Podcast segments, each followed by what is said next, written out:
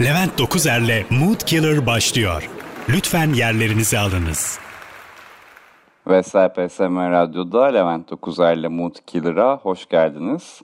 Geçtiğimiz hafta tam kapanma bitti ama tam da düşündüğüm gibi oldu her şey. Ben artık evde oturmaya o kadar alıştım ki beni salsanız da sokağa çıkmayacağım. Yani gerçekten hayati bir durum yoksa çok da fazla evden kıpırdamak istemediğim bir duruma geldim.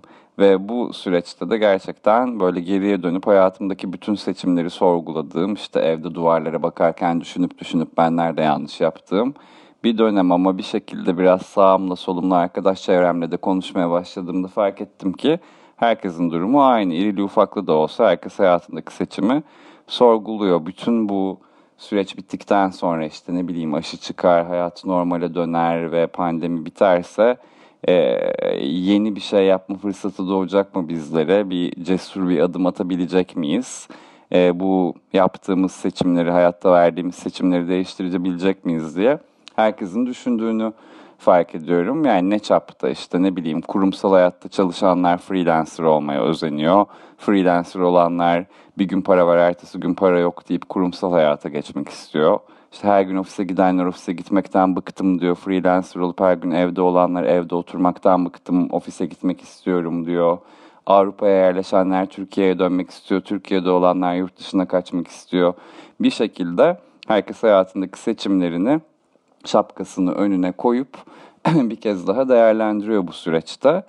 Ee, ben de artık böyle o kadar gerilere doğru gitmeye başladım ki yani eşit ağırlık okumayıp fen matematik okusaydım hayatımda bazı şeyler daha farklı olur muydu falan diye daha varoluşsal e, değerlendirmeler yapmaya başladım. Yani çok stabil tabii her şey. Kimsenin önünde bir seçenek yok. Tek opsiyon her şey. Karşımıza bir seçenek çıksa en iyisini seçeceğiz. Bir heyecan olacak. Böyle gece yatağa yattığımda olan iyi bir seçim yaptım falan diye düşüneceğim ama o da yok. Yani devrilip hepimiz uyuyoruz. Dolayısıyla böyle kendime güvenimin de çok iyi olmadığı bu dönem nedense öyle.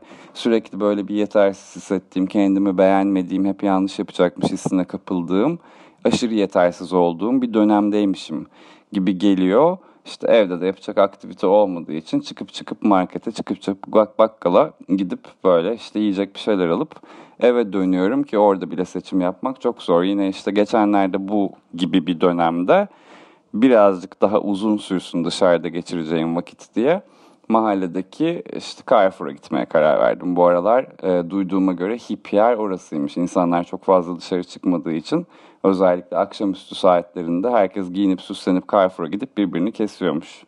Okey dedik hadi biz de gidelim. Bir şeyler bakalım ama yani o kadar böyle güvensiz ve sıkıcı gözüküyorum ki bence Carrefour'un kapısında sıra bana gelince ki biliyorsunuz zincir marketlerin önünde sıra var. Yani beyefendi kusura bakmayın sizi alamıyoruz. Çok renksiz ve sıkıcı bir karaktersiniz. Şu az ilerideki bakkala gidip Ahmet marka ürünler alın. Burada çok seçenek var. Bu kadar seçenek sizi bozar diyecekler gibi geliyor. Gerçekten çünkü hayattaki bütün seçeneklerimi sorguluyorum. Neyse işte boynum bükük bir şekilde kimseyle çok da fazla göz göze gelmeden muz, süt, nutella falan gibi evde maksimum karbonhidratı kendimi boğacağım ürünler alıp kahvaltılık bölümüne doğru ilerledim böyle kafam hala öne. Neredeyse cam vitrimin alt bölümünde o dizili yumurtaların durduğu yerle bir bir şekilde e, peynir reyonunun önüne geldim. İyi akşamlar sert tam yağlı beyaz peynir istiyorum dedim. Adam da böyle hani hangisinden olsun dedi. İşte dedim gösterdim bir marka şunlardan tam yağlı inek olsun dedim. En lezzetli beyaz peynir. Çok iyi bir tercih dedi. Şimdi bir belimi doğrulttum böyle bir peynir seçiminden bu kadar kredi almayı açıkçası beklemiyordum. 45 derece aşıya, açıya ulaştım. Ben dedim biraz da dedim Trakya eski kaşar alayım dedim. Beyefendi dedi peynir seçimleriniz muhteşem. Böyle bir, bir şekilde saçma sapan bir şekilde böyle bir omuzlarım dikleşti. Özgüvenim yerine geldi. Teşekkür ederim dedim. Ben kahvaltılık çok severim. Belli dedi. Şimdi peynir seçimimden bu kadar yükseleceğimi hiç düşünmemiştim açıkçası. Ve bu adamın bu kadar jestli konuşması benden, özgüvenimi yerine getirmesi tekrar dönüp başka şeyleri sorgulattı bana. Acaba ben ne zaman en son bu kadar iyi bir karar vermiştim diye düşündüm. Ve böyle günüm bunu düşünerek geçti.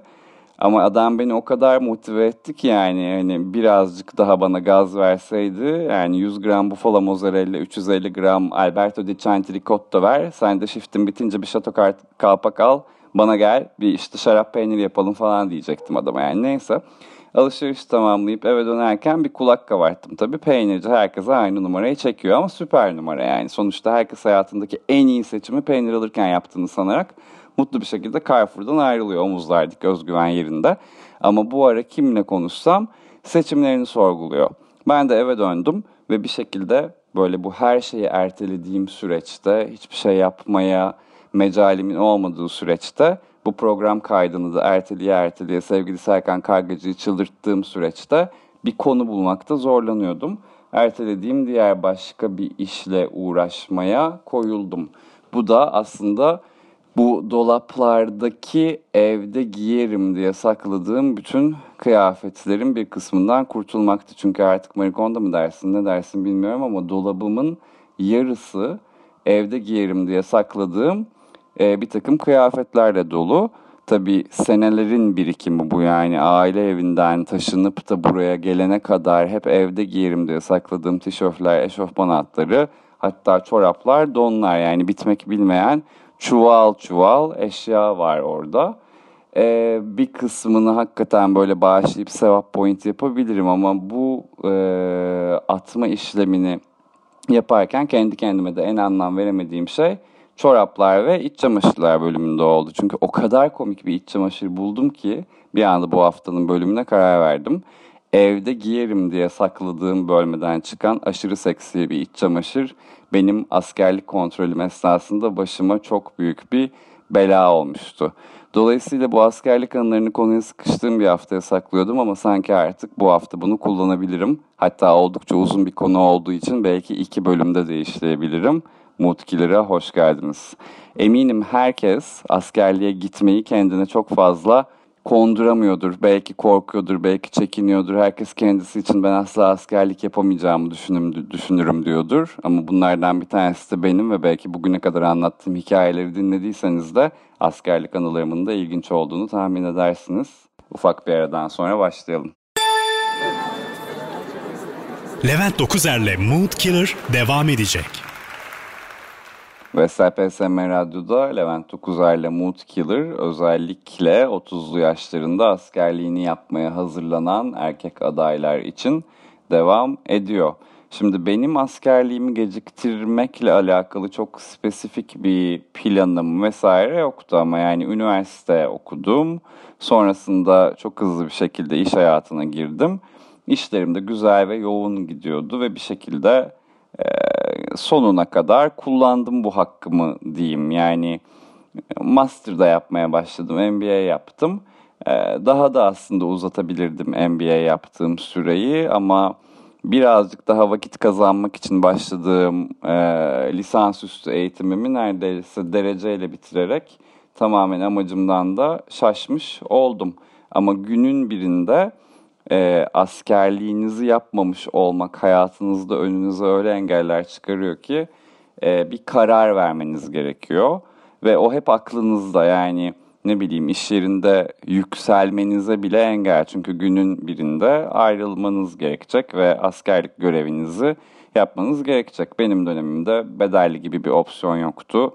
Hani çok fazla finansal olarak da onu karşılayabilecek bir durumum yoktu. Dolayısıyla ben her zaman askerliğimi yapacağımı biliyordum. Ee, sadece e, bir takım kafamda soru işaretleri vardı. Yani hani nasıl oraya fit ederim, nasıl geçer benim askerlik dönemim bunları düşünüyorsunuz ve hep e, hayatınızda sanki erkekler için belki daha anlamlı olur bu cümle ama iki bölüm vardır gibi. Hani bir askerlikten önceki dönem, bir askerlikten sonraki dönem yani önünüzde zamansal olarak hayatınıza kısa bir ara vermeniz gerekecek o engeli aşmanız gereken bir dönem. Ee, ve günün birinde o geliyor. Çünkü küçükken şey düşünüyorsunuz askerlik yapmak çok uzak işte ne bileyim üniversiteyi bitirmek çok uzak sonrasında askerlik yapmak çok uzak gibi bir takım e, zamansal kavramlar var. Ama şimdi 37 yaşında bunu anlatırken yani askerliğimi yapalı kaç sene olmuşken o zamanların çok da çabuk geçtiğini e, fark ediyor insan birazcık buruk bir şekilde de olsa. e, fark ediyor. Benim de iş hayatımda böyle çok iyi olduğum bir dönemde, her şeyin çok yolunda gittiği bir dönemde ama böyle her gün aklımda da böyle bir gün askere gideceğim ve buraları bir bırakmam gerekecek fikriyle yaşamaya devam ediyordum. Şey hissi çok kötüdür. Ee, son dönemlerde hep onu hissetmiştim. Böyle e, uyandığınızda birkaç saniye nerede olduğunuzu hissedemezsiniz de böyle yatakta mı yattım, kanepede mi uyudum, bugün hafta sonu mu, işe mi geciktim, spora mı gitmem gerekiyor falan. Ben de zaman zaman bazı e, günlerde o hatırlayamama süreci çok uzuyor. Mesela normalde 3 saniyede ha bir dakika bugün pazartesi şimdi uyandım sabah saat dilimindeyiz kalkıp işe gideceğim diyorsunuz. Ben de bazen böyle 40 saniyeye kadar falan çıkıyor ve çok korkuyorum. Yani bir türlü nerede ve hangi zaman diliminde hatırlayamıyor olduğumu hatırlamıyorum. Ve o dönem askerliğe gitmemin artık çok yaklaştığı dönemde askerde miyim falan diye uyanmaya başlamıştım. Dolayısıyla it was coming yani yavaş yavaş onu hissediyorsunuz ve bir gün iş yerinize bir kağıt geliyor ya da evinize bir kağıt geliyor. Bakaya kağıdı. Şimdi bakaya kalmak terimi tabii ne demek aslında iyi anlamak lazım. Yani bakaya kalmak yedek subay aday adayı kararı aldırdıkları tarihe kadar askerlik şubesine başvurmayan erkek Türk vatandaşları bakaya durumuna düşerler. Yani bu asker kaçağı demek değildir.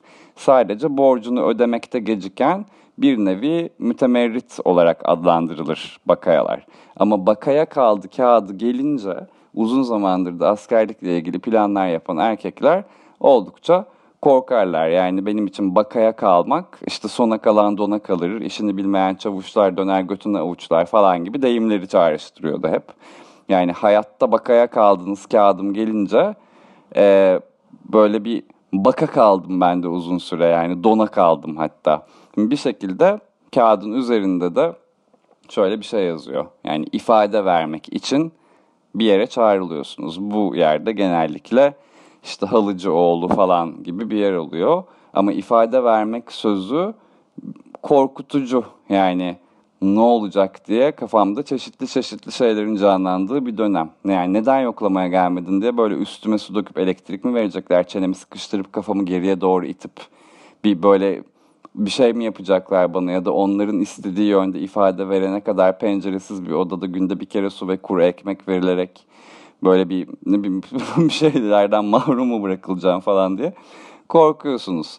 Bir de ifade vermeye giderken yanında yeterlilik belgelerini götürmem gerektiği yazıyor. Şimdi neler olabilir yeterlilik belgeleri?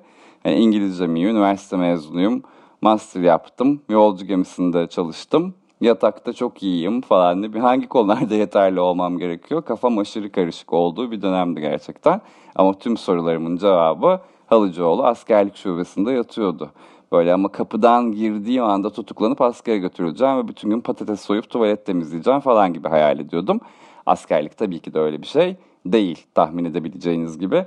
Ben en son askerlik anılarımı blogumda yazdığımda hakkımda askeri mahkemede yargılanma kararı çıkmıştı. O da oldukça komik bir hikaye ki anlatacağım zaten. Dolayısıyla bu podcast'im sonrasında da belki geriye dönük başıma bir şey gelmez umarım diye düşünüyorum. Çünkü o zaman da açıkçası füze başlık numaralarını açıklamamıştım. Sadece askere gittiğimde başıma gelen normal hayatta alışık olmadığım bir takım konuları esprili olarak yazmıştım ama askerde nizamiye içerisinde cep telefonu taşıdığım için ve blog yazdığım için gerçekten de askeri mahkemede yargılandım ve 40 gün askerliğim uzadı. Biraz önce dedim ya sana herkes askerlik yapmakla alakalı kaygılar taşır. Ama birazcık podcastleri dinlediyseniz benim başıma gelen olaylarda açıkçası oldukça ilginçti. Şimdi yavaş yavaş benim askerlik öncesi hazırlık dönemimle alakalı birkaç notumu paylaşacağım.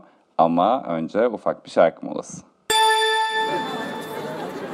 Levent Dokuzer'le Mood Killer devam ediyor.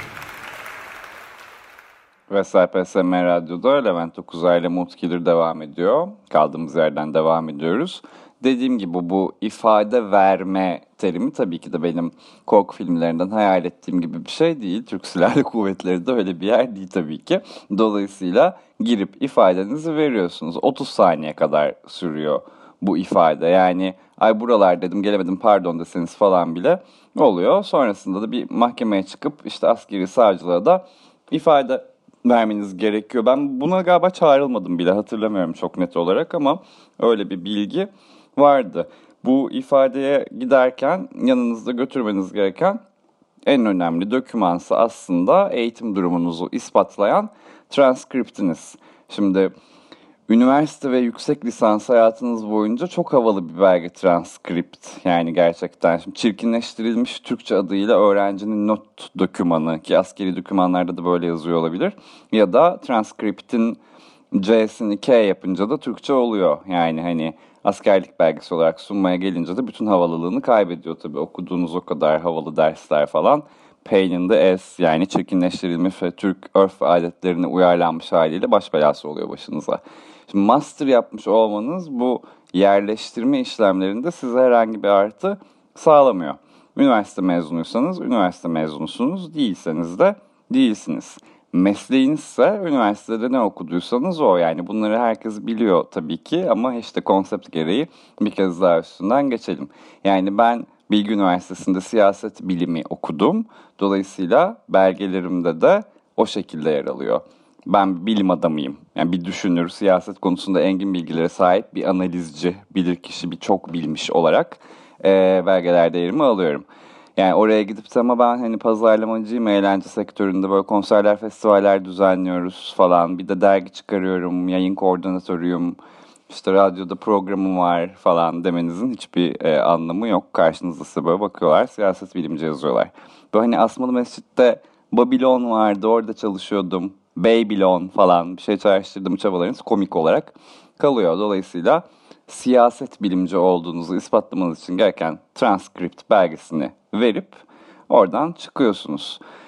Üniversitede okuduğum dönemin böyle bir güzelliği vardı. Bilgi Üniversitesi'nde her şey Amerikan İngilizcesiydi falan. İşte o dönem hepimize bu e, yabancı dilimizi geliştirmek anlamında iyi geliyordu diyeyim. E, ama benim okuduğum bölümün Türkçe transkript vermediğini öğrendim. Şimdi tahmin edebileceğiniz gibi Dolapdere kampüsünün kapıları New York Times Square'a açılmıyor. O yüzden neden Türkçe transkriptleri yok gerçekten hiç bilmiyorum. Belki şimdi artık vardır ama gerçekten benim okuduğum dönemde bütün transkriptler K değil C ile basılıyordu. Üzerindeki bilgilerin yarısı Türkçe olmasına rağmen. Şimdi bakın ben tüm eğitimimi Amerikan İngilizcesi olarak okudum. Aksanıma bakın falan deyip TSK'ya anlatacak halim yok bunu. Türk Silahlı Kuvvetleri'nde e, yemezler bunu. Şimdi İngilizce belki kabul etmiyoruz. Hani istiyorsanız sıfır yazılım yanına lise mezunu olarak işaretleyelim sizi diyor bir sıfır olayı. Şimdi liseden sonra 8 sene daha okumuş bir insan olarak bu benim için bir hakaret. Yani ver o belgeleri deyip yemin tercümanı doğru yola çıkıyorum. Önce okula tabii. Şimdi sonrasında benim için kabus. Santrallerde telefonlara bakan diğer çalışanlarımız bildiğiniz gibi benim için sinirsel anlamda hayata eksi bir de başlıyorlar o süreç çok uzun sürdüğü için. Benim daha alo derken tansiyonum düşüyor, sinir krizi geçirme e, eşiğinde yaşıyorum. Ve Bilgi Üniversitesi İletişim Bölümü santralindeki kadın da böyle telefon konuşmamızı takriben 70. saniyede benden gerçekten tanışmış oldu. Daha böyle nasıl yardımcı olabilirim diyen santral görevlisine yardımcı falan olamazsınız diye bağırıp telefonu kapattım. Çünkü gerçekten de Türkçe transkript konusunda bana yardımcı olamıyorlardı. Bir buçuk sayfalık transkriptimi İngilizceden Türkçe böyle üstelik noterden tasdikli olarak çevirtmek tam olarak 400 TL tuttu bana. Şimdi sevgili yedek subay adayları gerçekten öncelikle buna hazır olun. Bunun takriben 100 TL'sini bir buçuk sayfalık belgeyi her nasılsa 5 sayfa olarak çeviren e, yeminli tercümana kalan 300 TL'sini de o 5 sayfaya böyle göz kararı bakıp toplamda 6 sene, saniye kadar e, süren damgalama işlemini yapan ve her kuruşun sonuna kadar hak ettiğini düşündüğümüz e, noter veznesindeki sevgili çalışma arkadaşımıza veriyorsunuz. Ben en son gerçekten bu kadar acıklı bir 400 lirayı, acıklı bir meblağı bir özel hastanede burun röntgenim için vermiştim e, diye hatırlıyorum gerçekten. E, hiçbir şey yaptırmadığım burnum için verdiğim meblağ neredeyse bedelli askerlik tutarındaydı.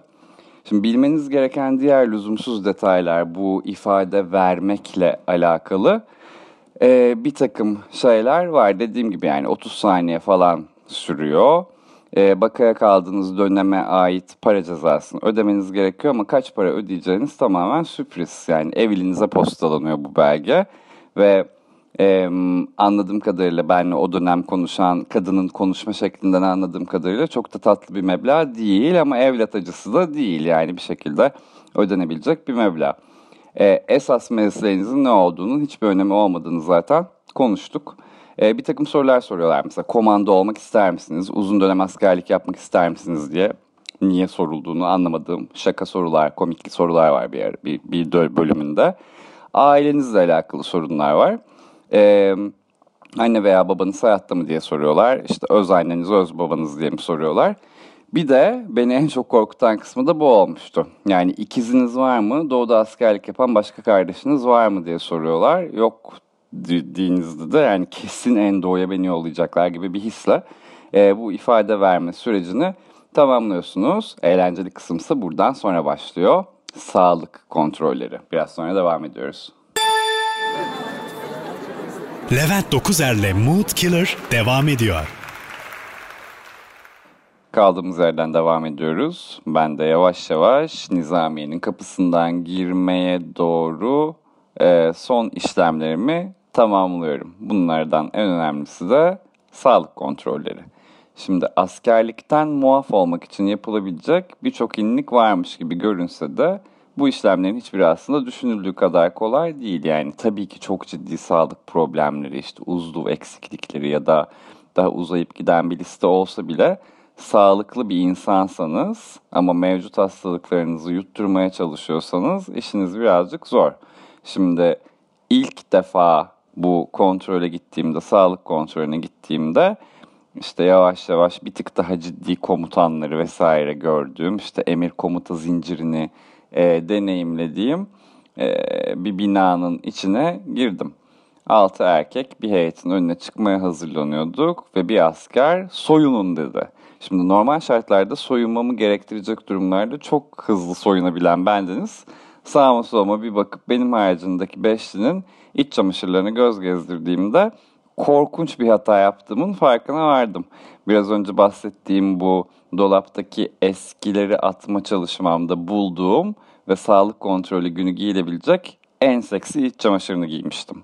Şimdi böyle fıstık yeşili ve kahverengi tonlarda über seksi dar likralı baksırım bir heyetin önüne çıktığımda ki o dönemlerde haftada dört kere spinning yapıyordum. işte iki kere pilates yapıyordum. iki kere taibo yapıyordum falan. Bunların sayesinde de böyle popom ceviz kırabilecek durumdaydı. Sadece kalça wise değerlendirirseniz beni bir goga boya benziyordum heyetin önünde gerçekten. Yanımdaki herkes de böyle uzun paçalı beyaz donlar giymiş. Ya da böyle işte ne diyeyim pop işlerine bir iki beden büyük gelen beyaz slipleriyle dizilmiş. Böyle don lastiklerinin kenarında falan işte neyse anlayın yani korkunç daha fazla e, detay verip bu podcast'i çirkinleştirmeme gerek kalmayacak. Hayal gücünüzü kullanarak tamamlayabileceğiniz bir durumdaydık. Ben size böyle biraz sonra başlayacak ve iki dakika sürecek olan sağlık kontrolü gerçekleştirecek askeri heyetin böyle arkasına dizildiği masaya çıkıp striptiz yapacakmış edasıyla ortada dikiliyorum. Ve yani bir şekilde o sabah neden o iç çamaşırı seçtiğimi düşünerek hayata lanet ediyorum. Şimdi iç çamaşırı seçimime rağmen askerliğe elverişli belgesi aldım. Yani bence gerçekten o iç çamaşırla askerlikten muaf tutulabilirdim. Şimdi o zaman askere gitmek çok uzaklarda yapılabilecek bir eylem gibi gözüküyordu. Ama askere elverişlidir damgası vurulduğu anda bir şekilde artık olay resmiyete döküldü. Şimdi gittiğim Halıcıoğlu Askerlik Şubesi'ndeki görevli hastaneye sevk istiyor musunuz? Herhangi bir sağlık soruk bozukluğunuz var mı? diye soruyor yine de. Şimdi spesifik bir şey yok ama mesela gözlük takıyorum dedim ve geçiştirdim ben o gün. Çünkü benden önceki çocuk fiziksel olarak önümde bir astım krizi geçirdi. Ve hastaneden tek alabildiği rapor işte ağır astım ama askere elverişlidir, komando olamazdı. Şimdi öyle bir vaka varken e, bir şekilde sizin gözlüklü olmanızın e, ya da migren krizi o geçiriyor olmanızın falan askeri elverişlilik konusunda çok da fazla elle tutulur bir yanı yok. Dolayısıyla artık o askerlik yapılacaktı. Ama yine de acaba bir tür zorlasam mı diye düşündüm. Yani bir sürü planım vardı sağlıksal durumlarla ilgili. Hiçbirini gerçekleştirmedim ama kendime çok iyi bir sağlık problemi listesi yaptım. Biraz sonra Mood devam ediyor. Levent Dokuzer'le Mood Killer devam ediyor. Ve SPSM Radyo'da Levent Dokuzay ile Mood devam ediyor. Hayatımızda verdiğimiz kararları sorguladığımız bir bölüm. İyi kararlar var, kötü kararlar var, büyük kararlar var, küçük kararlar var ama öyle ya da böyle hepimiz bir karar verdikten sonra rahatlıyoruz. Ben de askere gitmeyi artık e, zihinsel olarak karar verdikten sonra çok büyük bir rahatlama içerisine girmiştim. E, ama bu sağlık e, kontrolünden de geçtikten sonra ve askere elverişlidir damgam vurulduktan sonra bir şekilde gerçekten bir gerçeklikle yüzleşiyorsunuz. Yani bu roller coaster'a binmeye karar verip de en dik işte aşağı düşüş saniyesinde verdiğiniz kararı sorgulamanız gibi bir şey. Ama karar karardır bir taraftan da. Yine de böyle son bir köprüden önce son çıkış var mıdır falan gibi arayışlar içerisine giriyorsunuz. Yani benim de tam o anda başka spesifik bir sağlık probleminiz var mı diye sorulduğu anda aklıma böyle bin bir türlü zorlama e, cevap geldi açıkça. Yani demin de dediğim gibi önümdeki çocuk literally astım krizi geçirdi ve aldı. E, elverişlidir damgasının raporunu. Bir şekilde hani ben de küçükken astım krizi geçiriyordum. Çok da ciddi bir alerjik astım bronşit hastasıydım. Ama 19 sene önce son krizimi geçirmiştim. Dolayısıyla bu madde işe yaramayacaktı. Eledim gitti. Şimdi daha önceki sağlık problemlerimle alakalı podcast'i düşünürsek eğer burnumdan nefes alamıyordum. Bu hem uyumama engel oluyor hem de migrenimi tetikliyor ama askeri bir hastanede migrenimi ispat etmeye çalışmak yani deveye hendek atlatmaktan daha zordur herhalde. Şimdi bunu askerde bir, bir koz olarak kullanmayı tercih edebilirim. Yani sonuçta her cuma fix migren günüm benim. Bir şekilde bu cepte ama 37 yaşıma kadar ispatlayamadığım e, migrenimi askeri elverişlilik e, kontrolümde ispatlamam gerçekten mümkün değildi. Böyle yavaş yavaş aşağı indim. Sinüzit var ama herhalde yani konuşmaya değmez diye düşünüyoruz.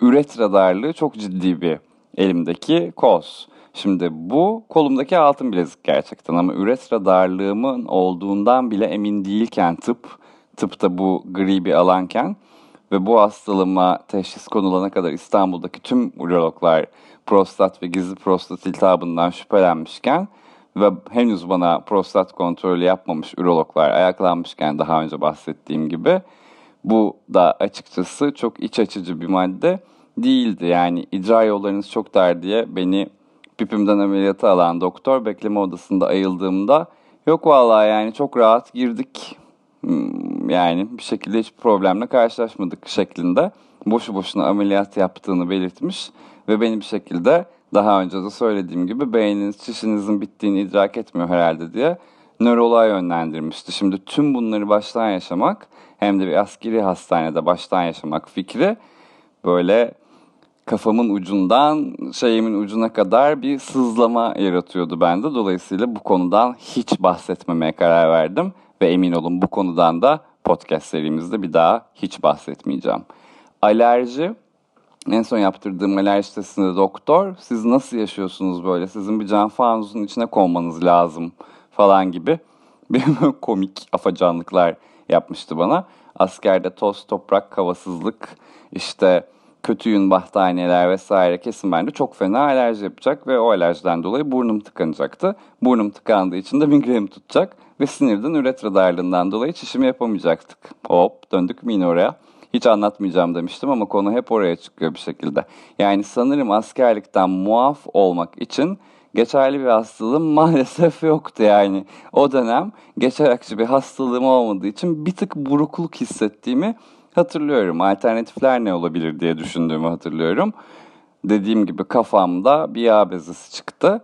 Saçlarımı 3 numara asker tıraşı yaptığımda böyle orada düğme gibi görünecek ve görsel açıdan çok çirkin bir manzara olacaktı. Belki Türk Silahlı Kuvvetleri bu manzarayı görmek istemez ve beni muaf tutabilirdi. Saçlarım dökülüyordu. Yani kel asker olur mu? bilmiyorum imaj olarak.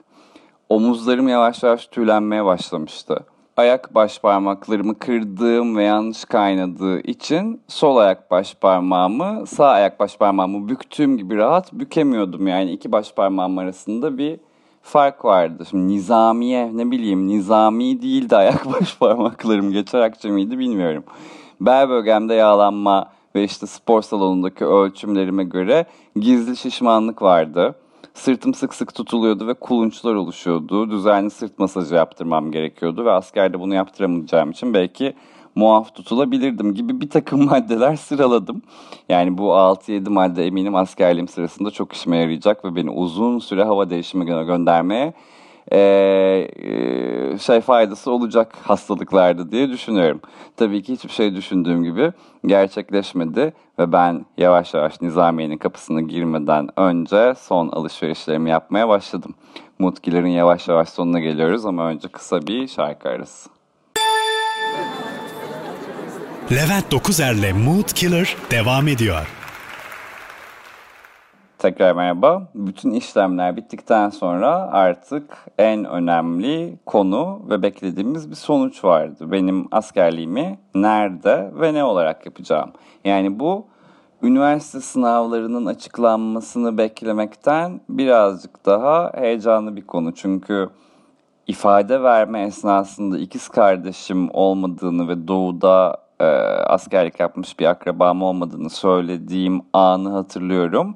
Dolayısıyla sonuçlar açıklandığında da muhtemelen yani gerçekten en doğuya gideceğimi düşünmeye devam ediyordum. Ama hiç öyle olmadı. E, havacı olarak e, yapacağım çıktı ve işte acemilik Kütahya sonrasında da Bandırma'da askerliğimi yapacağım belli oldu. Şimdi buraya kadar anlattığım hazırlık sürecinde söylediğim şeyler negatif algılanmasın. Ben oldukça kolay, oldukça rahat, oldukça güzel bir askerlik yaptım. Bunu ikinci bölümde anlatacağım sizlere. Ama Nizamiye'nin kapısından girene kadar çok büyük bir heyecan yaşıyorsunuz. Ve açıkçası askerlikte yanınıza neler almanız gerektiğiyle alakalı da hiçbir bilgi sahibi değilsiniz. Ve her şeyden ötede e, küçücük oğulların askere uğurlamak üzere olan bir aile dramı var. Şimdi bir takım insanlar bunu çok büyük kutlamalarla işte yollara dökülüp kornalara basarak araba çalarak yapıyor olabilirler. Anlam veremiyorum ben. Yani bu kadar da kutlanacak bir şey olduğunu açıkçası düşünmüyorum. Yine bunu negatif bir yerden söylemiyorum ama yani doğum günlerimizde de ne bileyim arabalara binip kornalar çalarak bir şey yapmıyoruz falan filan. Yani genel olarak o konsepte karşıyım. Ama hüzünlü bir durum bir taraftan da çünkü kendi hayatınızı, kendi yaşam alanınızı, kendi akrabalarınızı, ailenizi, arkadaşlarınızı, eşinizi, dostunuzu, işinizi bırakıp bir bilinmezliğe doğru gidiyorsunuz ve bilinmezliğe doğru giderken yanınıza neler almanız gerektiğini de bilmiyorsunuz. Şu anda elimdeki tek data yani o zaman elimdeki tek data havacı olduğum, havacılığın diğer askerlik kurumlarına göre diyeyim, kurum mu denir ona işte bölümlerine göre. Birazcık daha şanslı ve rahat olduğu ama benim için ise en önemli kısmı herkesin kamuflajı yeşilken benimkinin mavi olduğuydu. Bu bir şekilde bana çok cool geldi ve işte farklı ben lisedeyken de herkesin giydiği şeyleri giymeyi sevmeyen farklı renklerde gömlekler, pantolonlar, kravatlar takıp sürekli müdürün odasına çağrılan bir insandım. Sanki böyle havacı olduğum için ve mavi kamuflaj giyeceğim için de hissiyat olarak o dönemdeki hissiyata bürünmüştüm. Askerlik eşyaları satan dükkanlara gittiğinizde de havacı olduğunuzda normal standartta olan her şeyin mavili kamuflajlısı var. Dolayısıyla o alışveriş oldukça keyifliydi ve birazcık da abartıyı sevdiğimiz için ailece yaklaşık bütün askerliğim boyunca her gün bir kere giysem yetecek kadar iç çamaşır, atlet, işte çorap vesaire almak üzere o mağazaya girdik. Şimdi o mağaza bence fetiş mağazası bir taraftan da. Yani oradaki işte ne bileyim zincirler, mataralar, botlar falan oldukça e, fetiş imajı veren de şeyler. Üç bavul kadar alışveriş yaptıktan sonra onları tabii ki de paşa paşa tek bir çantaya indirip Nizamiye'nin kapısına doğru yola çıktım ve kendimi askerlik şubesine teslim ettim. Esas macera burada başlıyor ama oldukça uzun bir bölüm oldu bile şimdiden. Dolayısıyla şu ana kadar askerlik öncesi anılarımı paylaştım. Önümüzdeki bölümde de askerlik esnasındaki anılarımı paylaşacağım. Sapasağlam döndüm, gayet güzel anılarla döndüm ama yine de 30'lu yaşlarda askerlik yapmış olmanın getirdiği heyecanı yaşadım. Belki buradan da askere gitmeye hazırlanacak beni dinleyen arkadaşlar varsa ufak bir guideline niteliğinde değerlendirebilirler. Sorularınız varsa da özelden ulaşabilirsiniz her zaman. Mutkilerin bu haftalık sonuna geldik. Pazartesi sendromunuz hayırlı olsun. Önümüzdeki hafta Nizamiye'nin içinden görüşmek üzere. Levent Dokuzer'le Mood Killer sona erdi.